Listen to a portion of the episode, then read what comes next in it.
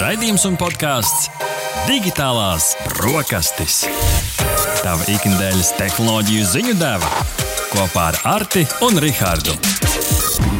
Labrīt, labrīt, labrīt! Labrīt, klausītāji! Jūs klausāties digitālās brokastis, ikdienas aktualitātes, gadgeti, tendences, sociālā tīkla uzplaiksnījumi, aizraujoši zinātnes sasniegumi un vienkārši amizantas lietas digitālajā pasaulē. Tās ir digitālās brokastis, jūsu ikdienas tehnoloģiju ziņu deva. Un kā jau katru piekdienu ar jums kopā ir digitālo brokastu šefpavārs Artis un man pretī sēž cilvēks, kurš ir kārtīgi sēdējis pie ūdeņraža auto stūres un baudījis nākotni. Tas neviens cits kā Rihards. Labrīt, klausītāji! Latvijas Rādio 1 un Radio Naba ēterā. Sveicieni arī jums, kuri klausās vai skatās raidījuma ierakstā.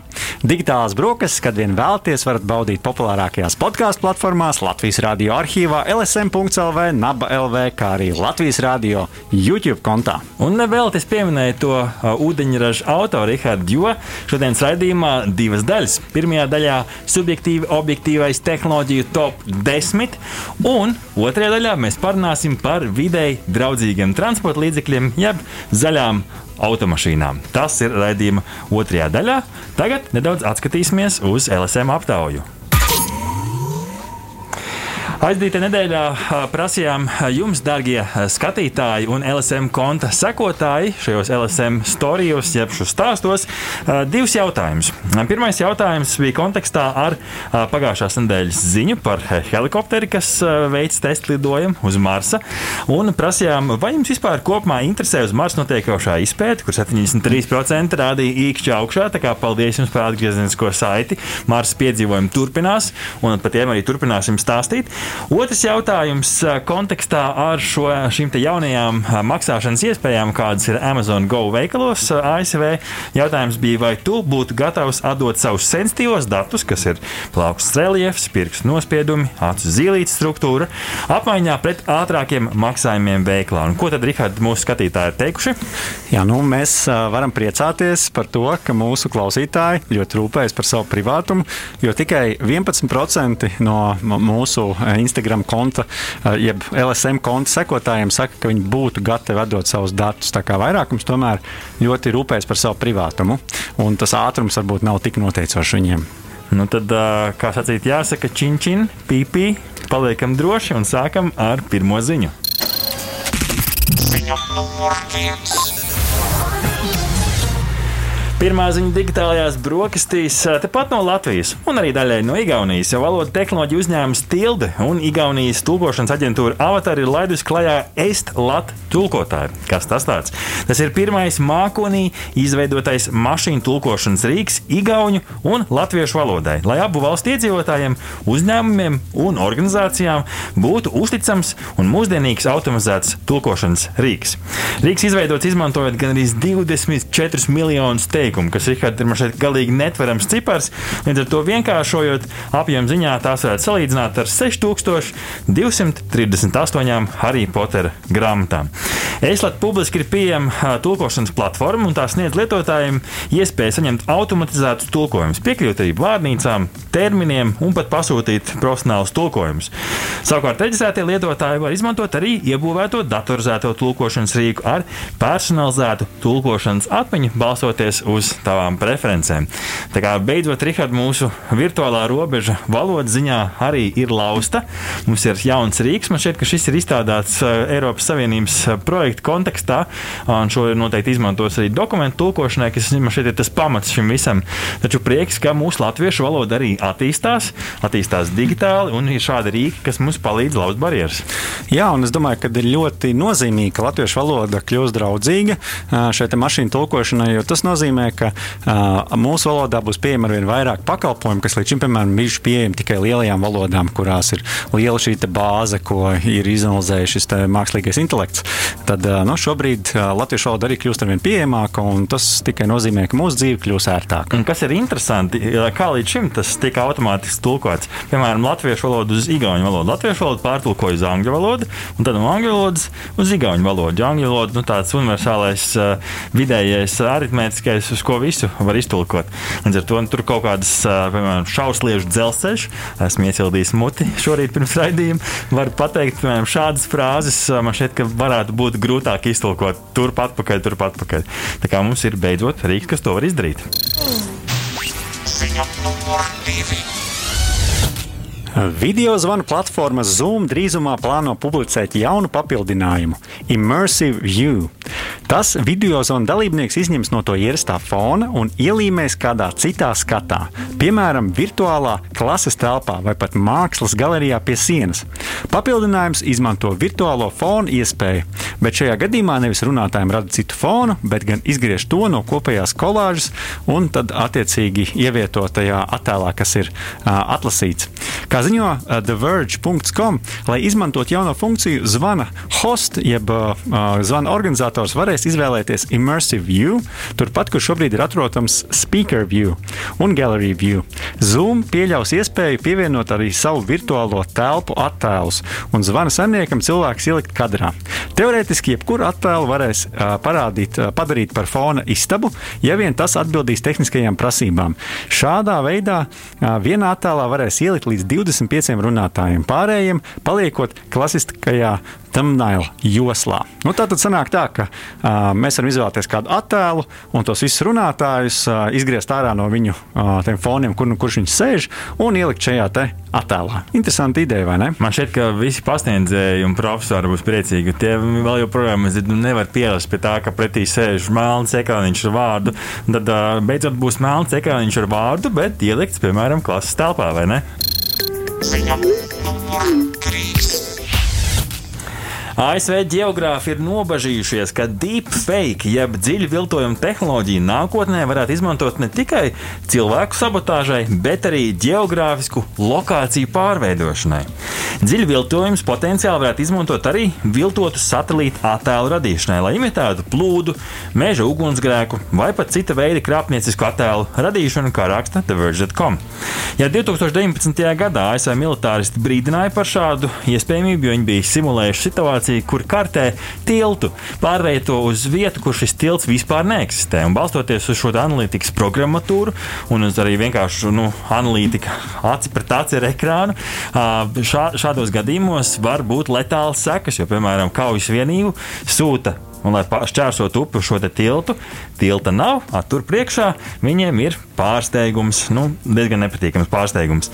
Lai gan zinātnieki jau strādā pie programmatūras, kas varētu atpazīt šādus viltojumus, kā pirmo soli Zinātnieki uzsver izpratnes veicināšanu un mazināt šo satelīta attēlu objektivitāti un to uztvēršanu kā reālā situācijas atspoguļojumu, ka vienmēr vajag domāt kritiski pat, ja tas ir nosacīts satelīta attēls, jo tajā jau var iezīmēt pilnīgi jebko.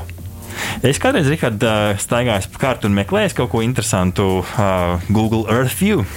Jā, jā, esmu to darījis. Un, un, protams, tur ir atrastas ļoti daudz interesantas uh, vietas un apskatīt tās no putnu lidojuma. Bet uh, man liekas, ka uh, savā ziņā šis pasaka to, ka, nu, gribot, negribot, ik pa laikam tomēr vērts turēt par rokai arī to papīra karti, ne? Pēc kuras var vadīties, ja gadījumā nu, šim atlīta attēlam var būt arī kādas uh, nu, kāda traucējumi vai kādi speciāli radīti uh, bojājumi vai, vai nepilnības iestrādāts. Kā nu, uzticēsimies arī vecajām labajām papīra kartēm.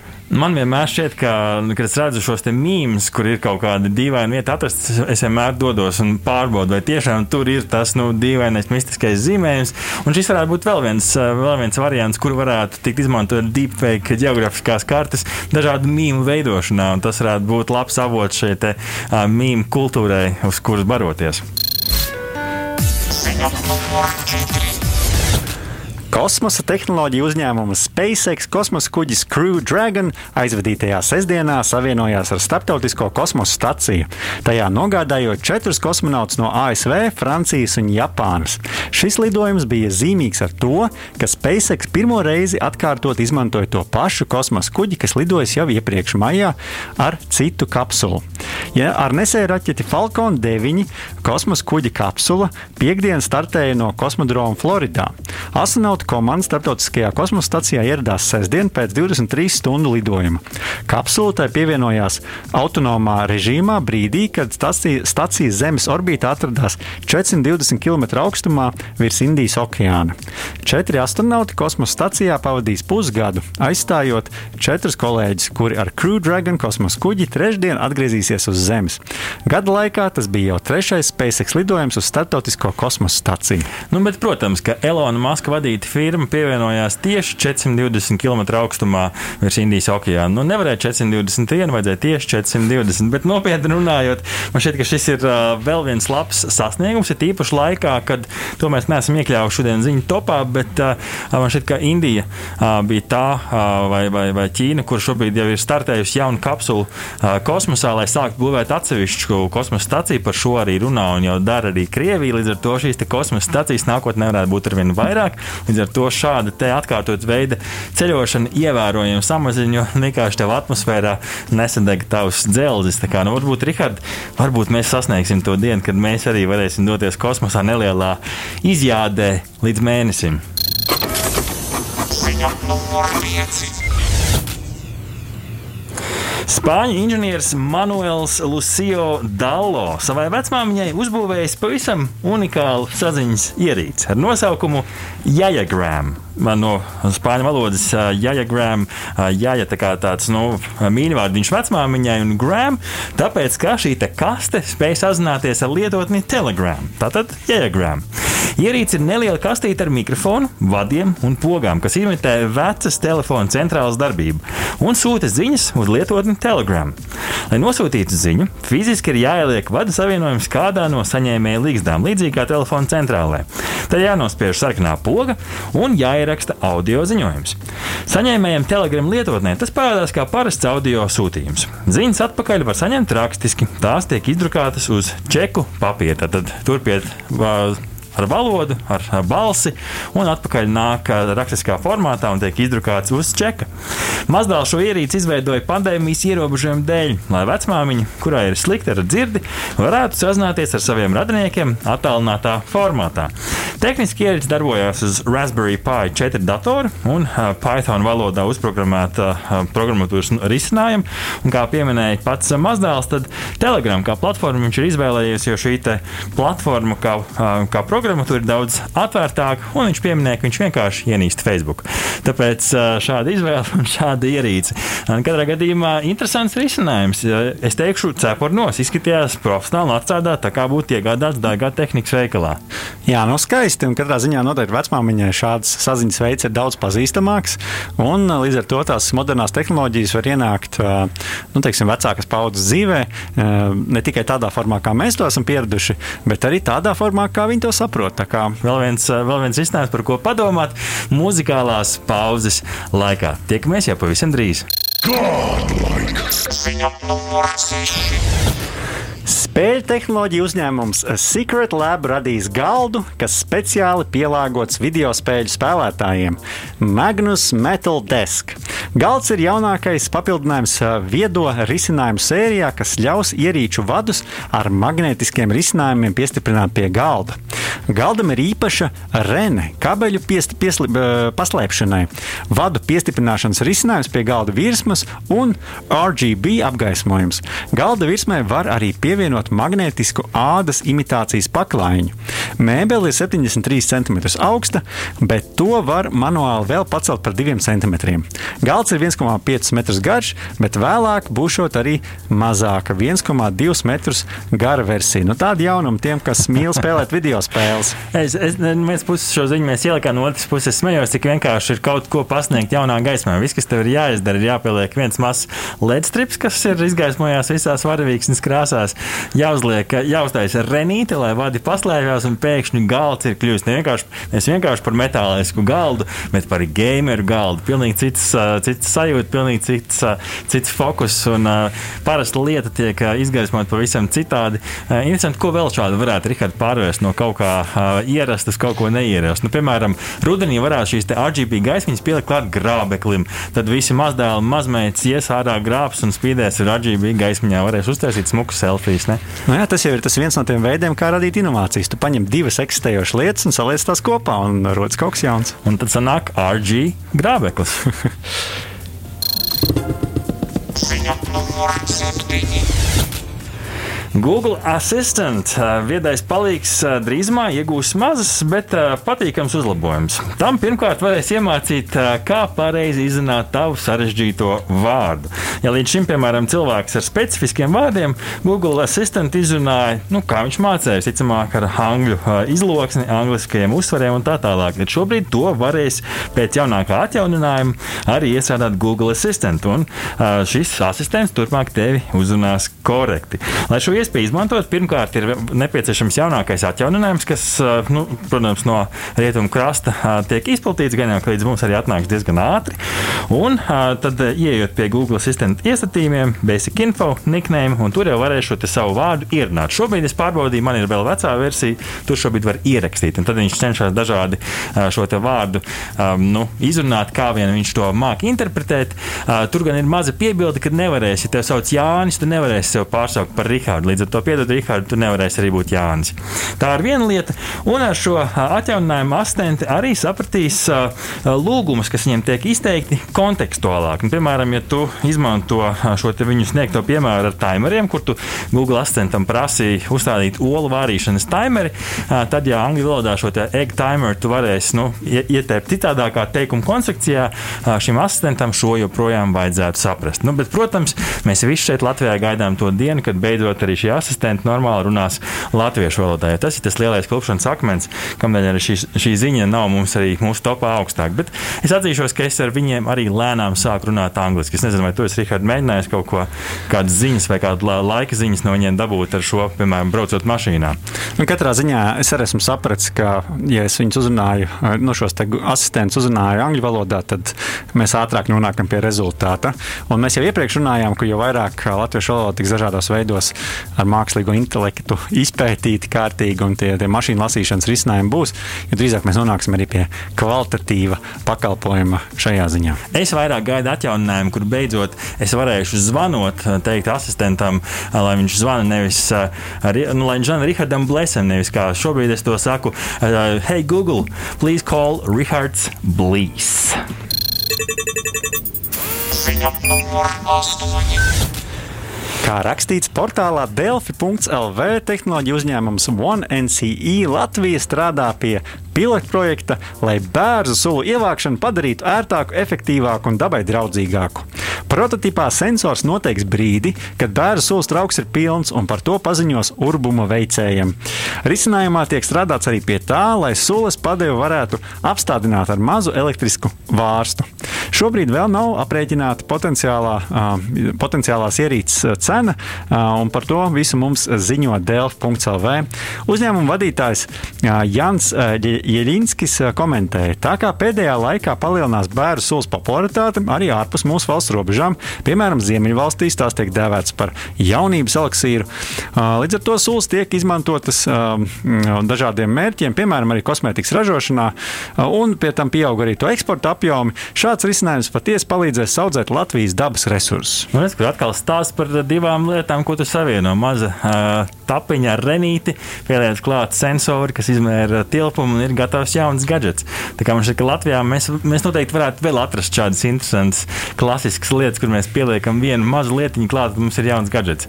Mums reiz nāk prātā, bet nu, kaut ko varētu no santēvu te pieejām, piemēram, nu, atgriezt gra, graudu smalcināšanu kā tādu lielu gadgetu, tad, kad to varīts pilns, tad var, var beigt to lielo ripu kustināt? Jā, jā, un man liekas arī pašas bērnu sulas. Iespējams, ka daudzās valstīs par tām jau ir aizmirsts, bet mēs, to, mēs tās vēl aktīvi tecinām, un tagad tās ir arī tiešām kosmetikas sastāvdaļa, jo bieži vien ūdens tiek aizvietots tieši ar bērnu sulām. Kit? Kit, talk to me! Ziņa no numur 9 no aizjūru trījām valstīm, trījām jūriņām, tālās Argentīnas, kur kāds tīmekļa strādātājs, kungs vārdā Nikolas Kurona, ir par nieka 11 eiro nopircis Google Argentīnas domēnu. Jo viņš kādu vakaru bija diezgan acīgs. Viņš pamanīja, ka adrese google.com.ar nestrādā. Nu, protams, kā web developeris, jeb kā programmētājs, viņš saprata, ka kaut kas nav lāga un izdomāja domāja iet vietējā nits.lv viņa versijā, jeb domēnu reģistra mājaslapā un pamanīja, ka patiešām Google Argentīnas adresē ir beidzies tās lietošanas termiņš, un tā ir pieejama pirkumam. Nu, kungs gan domāja, ka gan jau ka nenostrādās, bet nu notestēs. Uzlika naudiņu, Darījums apstiprināts, un uz mirkli šī adrese viņam piederēja.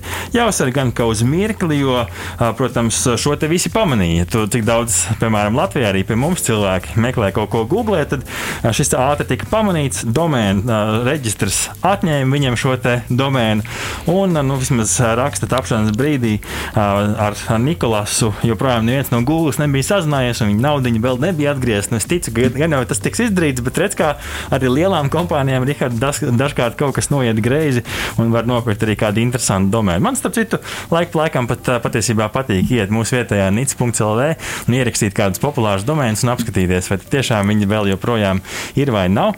Nu, pagaidām es vēl neesmu uz lielā jackpot uzkāpis, bet nu, varbūt arī Google LV ir jāpārbauda. Viss kārtībā, darbie skatītāji un klausītāji, pārbaudīju šodien vēl joprojām pieder Google. Ziņa numur desmit. Populārajā spēlē Pokemon Go spēlētājs ar segvārdu Boots Made for Walking nesen sasniedza vēsturisku rezultātu.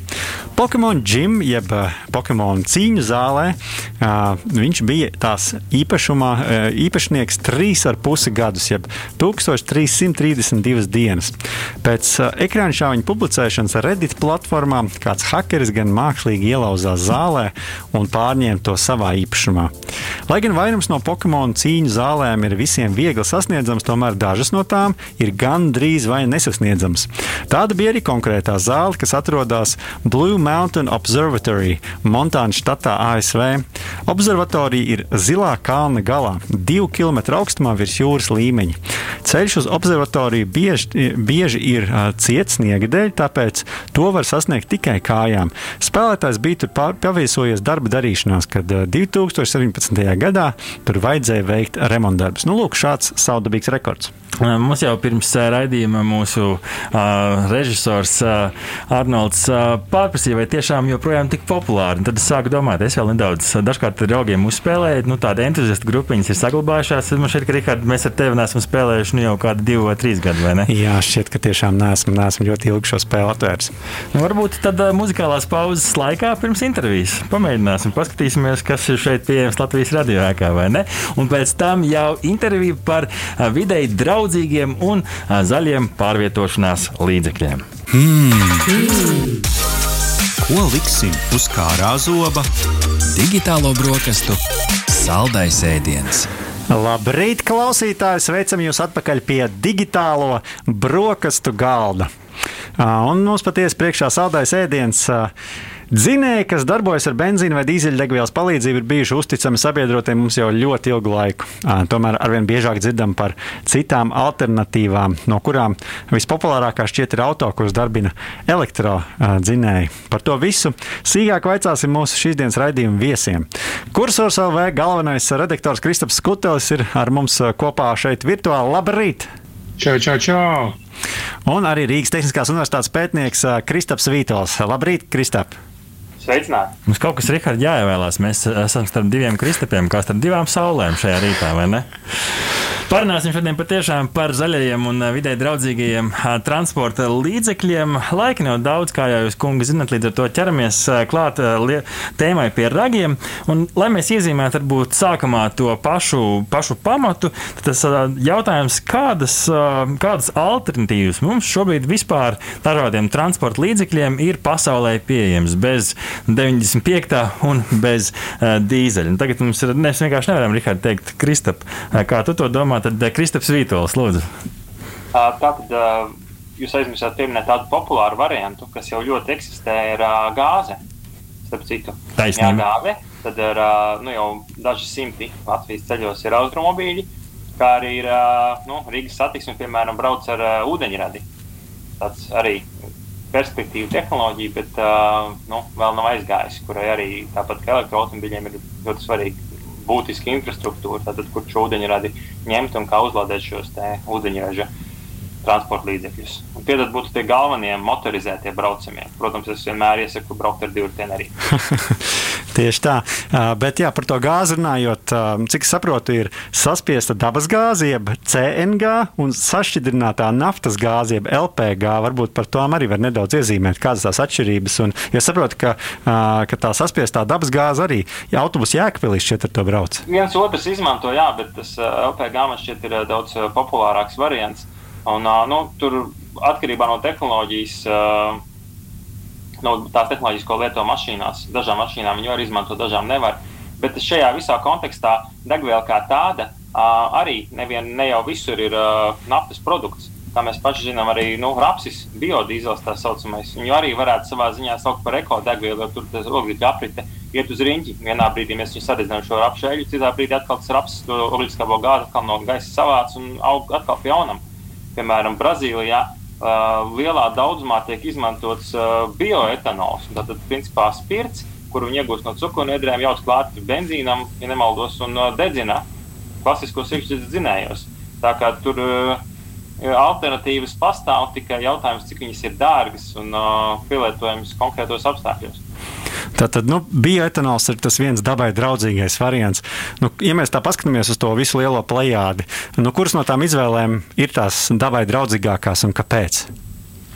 Nu, man kā pētniekam ir nevaru šādu atbildi uzreiz jums sniegt, tāpēc ka Uh, visi to deķi vēl katrs uz savu pusi. Viens saka, ka tur baterijas ir sliktas, cits saka, ka dīzelis ir pilnīgi puja un nē. Bet tajā pašā laikā lauksaimnieki skaidri zina, ka labākais variants ir dīzelis, jo nu, viņš ir uh, efektīvākais, mazāk degvielas patērējās. Tas traktors, piemēram, visu dienu tur rūc.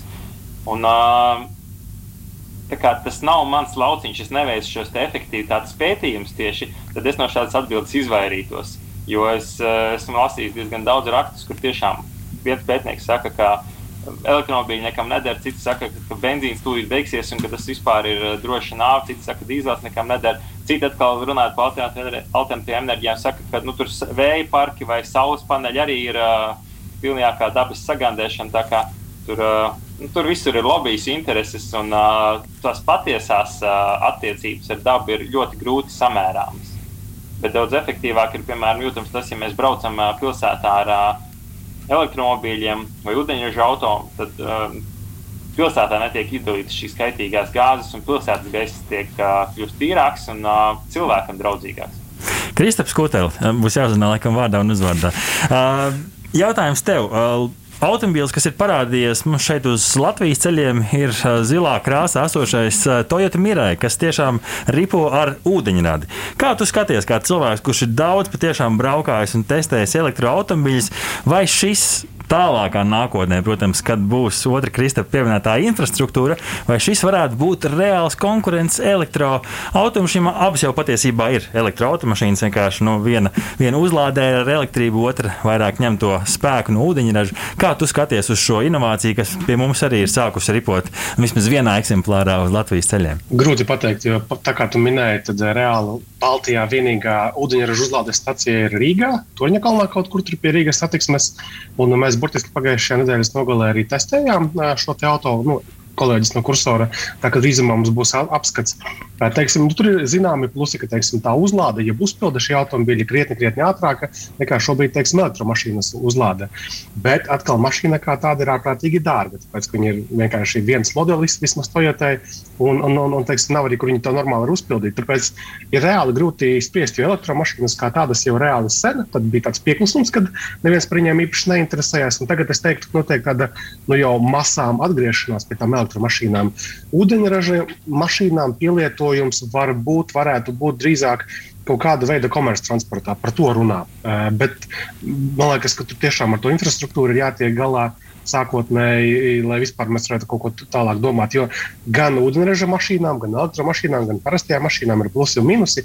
Un tā kā mans vārda brālis arī stāstīja, tur ir reāli katrs velk deķi uz savu pusi. Un viena lieta ir, vai teiksim, tā mašīnām ir, vai transporta līdzekļiem ir kaut kādi izmeši tieši no tā izpūtēja. Uh, otrs jautājums kādi izmeši vispār nonāk dabā atpakaļ, būvējot un ražojot šīs mašīnas. Un, un pie tam elektromašīnu ražošana Eiropā vai elektromašīnu ražošana kaut kādās citās pasaules daļās, tur jau arī atšķirās, kas tas, kas, kāds tur tas uh, dienas beigās ir sausais atlikums. Tāpēc paredzēt es neko nevaru. Ir ļoti maz ūdeņraža uh, mašīnu arī pasaulē. Un izskatās, ka lēnāk notiek attīstība šajā jomā. Elektromašīnas kaut kādā kaut kā pēdējo, es teiktu, piecu gadu laikā ir krietni aktīvāk un par viņām vienkārši visi runā. Tāpēc, ka tās prasības uz parastajām pēdiņās mašīnām ir tik striktas, ka autoražotājiem gluži vienkārši nav citu variantu, kā mēģināt iegriezties tajā elektroautorāta pasaulē. Par elektroautorātu noteikti parunāsim, bet vēl gribu Krispam Vītolam pajautāt par hibrīda auto, jo ir nu, pieejami arī šādi šobrīd tirgu. Un, un, kādi tie šobrīd ir, kā tie darbojas un, un kādus iegūmus sniedz? Mūsdienīgā izpratnē hibrīda auto, hibrīda, jā, auto ir tādas mašīnas, kurām ir pamata piedziņa ir tātad, ar kādu kurināmo darbināms motors, tas būtu tāds benzīna vai dīzeļmotors, nu, tikpat labi arī, protams, gāze. Un tad kaut kur pa vidu ir uh, pielikts klāt mazāks motors, uh, kurš var strādāt gan kā ģenerators, gan kā motors un baterija, tā kā, kā maziņš elektromobīlītis. Uh, ielikts iekšā šajā hibridajā auto, un tad, uh, piemēram, bremzējot, tiek lādēta baterija. Tā baterija var uzlādēt vienam otram variantam arī ar vadu. Un, uh, braucot, rezultāts ir tāds, ka sevišķi pilsētas apstākļos tiek ļoti, ļoti iekonomēta enerģija nu, benzīna, dīzeļdegvielas vai pašas elektrības veidā. Uh, sevišķi tad, kad jāapstājas un jābremzē, jāapstājas un jābremzē, jo tad ir uh, iespēja tiešām uh, mašīnu uzturēt daudz efektīvāk. Un rezultātā tas patēriņš uz simtu ir uh, krietni mazāks. Un, uh, nu, bet no otras puses, atkal tur ir citi varianti, kur tikpat labi varētu būt arī uh, tādi hibrīdi, kas ir citā veidā, kur ir uh, tīri, piemēram, di maziņš dīzeļmotors un viss pārējais ir tīri elektriskais. Un, uh, tas dīzeļmotors laiku ražo elektrību, lādē bateriju, un tad ar šo bateriju var braukt. Un tad tālāk ir piemēram tas pats ūdeņraža auto, tas jau arī ir pa pusē, varētu teikt, hibrīds, kurš uh, ņem ūdeņradi. Uh, Laiž to speciāli iekārtu, kas iegūst elektrību. Ar šo elektrību uz vietas uzlādē bateriju pašā mašīnā, tālāk jau piedziņu nodrošina elektriskie motori. Pirms mēneša nopirku hibrīdu, pirms tam braukāju ar iepriekšējām divām mašīnām. To mēs dzirdējām, jā. jā, ar, ar, ar lieliem smirdīgiem dīzeļiem braukāju. Kaut kādā momentā man apnika viņus remontēt un uh, pamēģināt hibrīdu. Es biju diezgan skeptisks no sākotnēji, un kā var vislabāk pārbaudīt, ja ne pats uz savas ādas. Pagaidām iespēja ir tāda interesanti, jo pil, it īpaši pilsētā tu jūti tos elektromašīnas plusus, jo diezgan bieži viņš darbojas elektroautorāta režīmā, tādējādi ir absolūti kluss plūdens un mierīgs, un tas ir komforts. Uh, un patēriņš, nu, manā gadījumā, Hyundai Ioniq parastais hibrīds, nu, 4,4 litru uz 100 km, kas ir maz priekš maziem benzīniem. Tas uh -huh. ir samērojami ar dīzeļiem. Dīzelisti Twitterī man te teica, o, manējais tur 3 litri dīzeļu degvielas uz 100 km. Bet, bet ir, ir ļoti interesanta pieredze, un redzēsim, kā tur ilgtermiņā tā mašīna darbosies un apkopēs un tā tālāk. Un tā joprojām eksistē vēl arī plug-in hibrīdi, respektīvi tie, kuriem var arī piesprāst to vadu un uzlādēt. Tipiski viņi var nobraukt ar pilnībā ar elektrību kilometrus 50, 60, bet viņiem, man liekas, jau parādās tādas pašas vajadzības kā elektromašīnām. Tev būtu jābūt iespējai lādēt šo auto mājās pa nakti. Ja tev tā iespēja ir, un ja tu mīcies pa pilsētu ikdienā, tas, manuprāt, ir ļoti labs variants. Tu pieminēji divus atslēgu vārdus - tuvāk, tālāk nākotnē no elektroautorāta. Mēs jau kādu laiku atpakaļ, taisnīm sakot, prasījām arī LSM Instagram konta sekotājiem divus jautājumus, kur ir pēc atbildēm interesanti, tāpēc šos rezultātus pacēlām atpakaļ augšā. Pirmais jautājums pavisam vienkārši, vai tu esi kādreiz braucis ar elektroautorātu, kur 76% saka nē? Un otrs jautājums, vai tu esi apsvērs iespēju iegādāties elektroautorātu tuvākajos 10, 20 gados? Nu, tas uh, periods ar domu, ka tā infrastruktūra būs sevi jau, jau pilnveidojusi, un tur uh, svarkausi uh, pilnīgi pretēji. Ja cilvē, vairums cilvēku šobrīd vēl nav braukuši, tad vairums šeit 74% nav jau reprezentatīva aptāja, bet nu, tomēr vismaz sekotāju vidū vairums apsver šādu elektroautorātu iegādi. Kristaps Kutels, tu kā cilvēks, kurš ikdienā daudz ir braukājis un tālu braukājis un izbaudījis šos visus plusus, un tagad arī esi lepns nu, hibrīda auto īpašnieks, kā tu šobrīd vērtē to vienu no, nu, man šeit, ka laikam varētu teikt, skaļākajiem mīnusiem, kas šobrīd ir, ir tas nu, attālums, kur tu vari nobraukt uh, līdz brīdim, kad tev ir jāpaņem garāka kafijas pauze un jāuzpildās.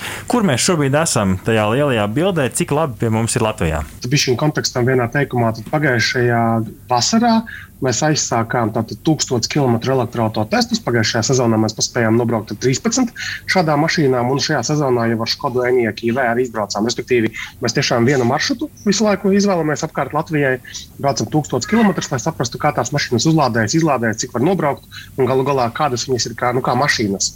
Um, tad tās manas atziņas um, tagad ir, um, teiksim, pēc šiem nu, jau 11 elektroautorāta notestētajiem, ir tādas, ka um, nu, elektromašīnu šobrīd nopērkamo nobraukums tāds ar vienu uzlādi sākas no aptuveni 200 ar kaut ko kilometriem. Uh, vasaras apstākļos ziemā ir būtiski mazāk šīs mašīnas spēja nobraukt, uh, un, un, un dārgākās un lielākās elektromašīnas nu, 400 var jāmēģināt nobraukt. Um, ka, ko es vēl tādu esmu izteikti pamanījis, tātad ārpus pilsētām tas um, ātrā uzlādes uh, staciju tīkls, e-mobīļu tīkls ir ļoti normāli izplatījies par šiem gadiem. Uh, tas ir tas, ko valsts uh, ar CSDD rokām izveidojuši. Liekas, ir vairāk nekā 200 pa visu Latviju. Un, teiksim, arī manos testos tādas baigās rindas es tikai esmu vienreiz novērojis, ka man bija bijis jāpagaida. Un tas bija tikai tad, kad Fixija, tātad šis auto koplietošanas servis, bija nopircis 100 elektromašīnas pagājušā gada otrajā pusē, un tādējādi viņas sāka izkaisīties pa visu Latviju, un viņas sāka manīt. Jo kopumā tās elektromašīnas Latvijā ir 1300 reģistrētas, kas ir niecīgs skaits. Bet pilsētā, Rīgā, teiksim, to ātrās uzlādes staciju nav nemaz tik daudz, tur gan uh, Uh, var gadīties, ka tu pagaidīsi uh, rindā mazliet, vai nu pēc kāda taksista. Izrādās, taksisti arī jau sāk izmantot uh, šādas mašīnas, vai kādu nu, teiksim, ierindas pilsoni, kas ir iegādājies šādu mašīnu. Bet tā, principā, nu, jā, nu 200 var nobraukt. Un te ir tāda interesanta atziņa. It kā liekas, pret parastajām uh, mašīnām, oi, maz, nenormāli. Nu, ir maz. Bet no otras puses, cik tad tie braucieni mums ikdienā reāli arī ir? Latvija ir ļoti maza valstiņa. Brauciens no Rīgas uz laukiem ir nu, kas, 250 km maksimums. Galvenais, lai to būtu, ko, kur uzlādēties tur galā. Mm. Un der patiesībā arī parastās uzlādes. Pa nakti to, to mašīnu pietiekami ir uzlādējis. Tas ir tādas īsas atziņas, ka, nu, ka tās mašīnas krietni mazāk var nobraukt nekā parastās, bet nu, katram ir pašam jāizvērtē, mm. cik tad viņam reāli to nobraukumu ir vajag. Jautāšu otram Kristapam par šīm uzlādēm, ko, ko jau, jau pieminējām. pieminējām. Nu, kādi ir tie iespējamie uzlādes ātrumi un kas to ietekmē? Un, un vai pastāv iespēja arī, ka mēs mājās varam uzstādīt tādu ātrās uzlādes staciju? Uzlādes ātrumu pirmkārt ietekmē tas, kāda ir baterija.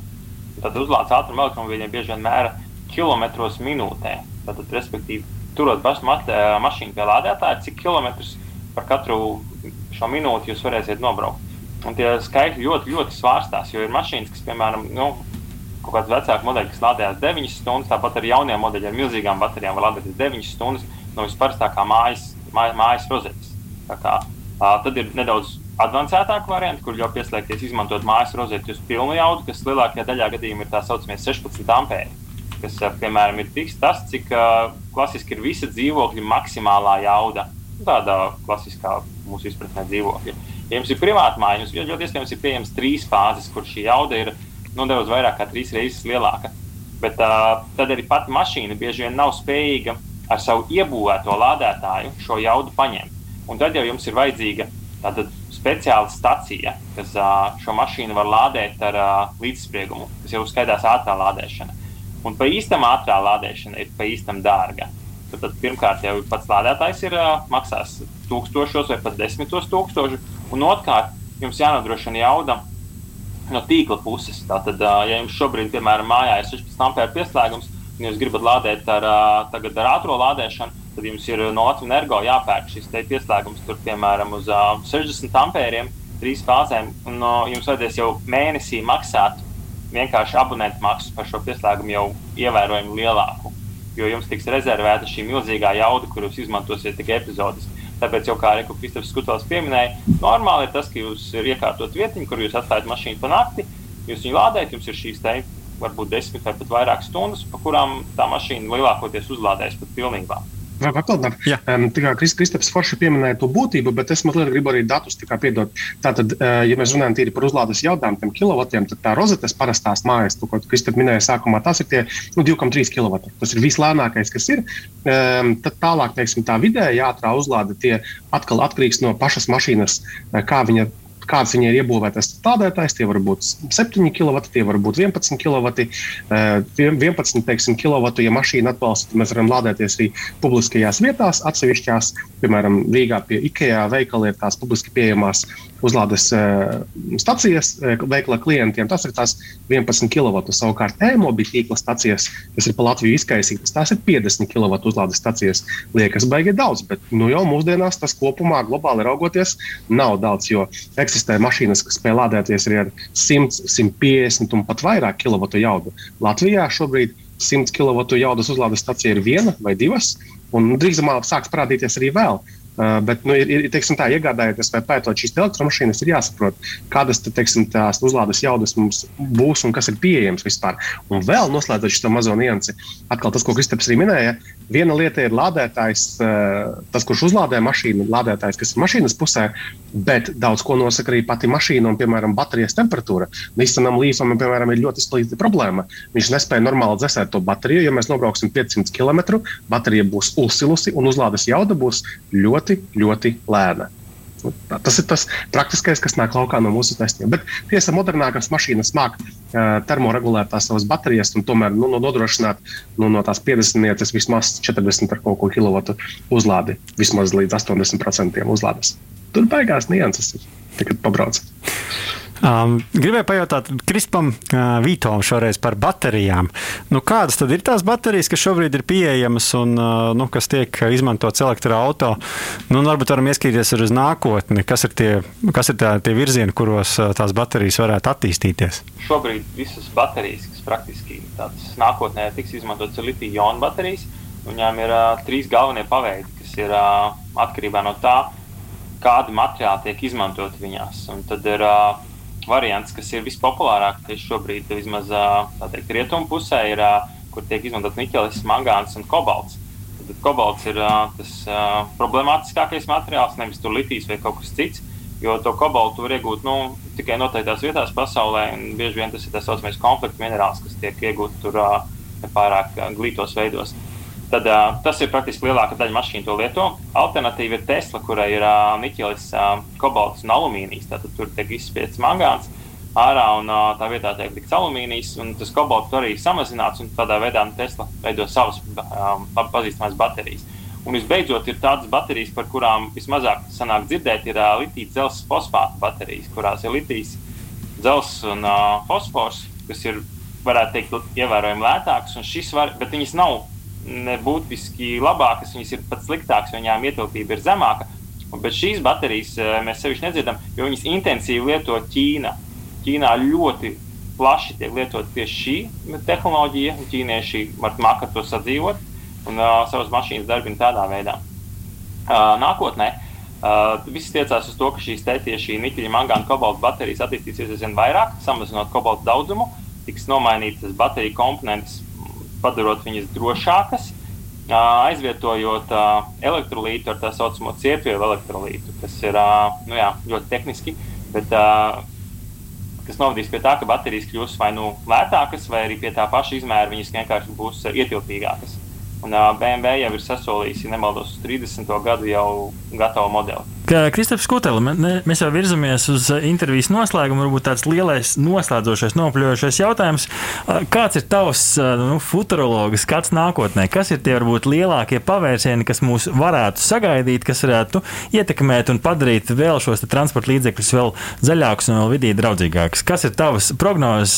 Šeit drīksti droši mēs atļaujam fantazēt. Es tā baigi neaizraujos ar fantazēšanu, bet tas, kā šobrīd izskatās tā nākotnē, es teiktu, tuvākajiem pieciem gadiem stabili gadiem, nu, varbūt mm, desmit, uh, nu, izskatās, ka mēs tiešām virzāmies šo elektromašīnu mm, virzienā, lai arī atsevišķās aprindās ir to vien dara, kā cilvēki runā no, no rīta līdz vakaram. Tomēr masās tās mašīnas ir ļoti maz izplatītas vēl. Un uh, ir, ir tām, tām tehnoloģijām, bateriju tehnoloģijām, mašīnu tehnoloģijām jākļūst lētākām un pieejamākām un tādējādi nobraukumiem lielākiem un tā tālāk un tā joprojām. Otra lieta, kas līdzi nāk, ir ir jābūt ekoloģiskākai šai mašīnu, arī šāda tipa mašīnu ražošanai. Lai, lai teiksim, visā tajā detaļu sagādas ciklā, visā uzbūvēšanas ciklā, un par to runā arī Volkswagen arī citi lielie ražotāji, kaut mūsu mašīna ir uzbūvēta, nu, lai būtu kā uh, nulle, tas, tas nav minusā vai plusā tie izmeši. Tad par šīm lietām ir jādomā. Paralēli arī infrastruktūra attīstīsies, jo nu, viena lieta ir uzlādēt Latvijā 1300 elektromašīnas, bet cita lieta ir uzlādēt, teiksim, nezinu, 10, 50, 100 tūkstošu elektromašīnas.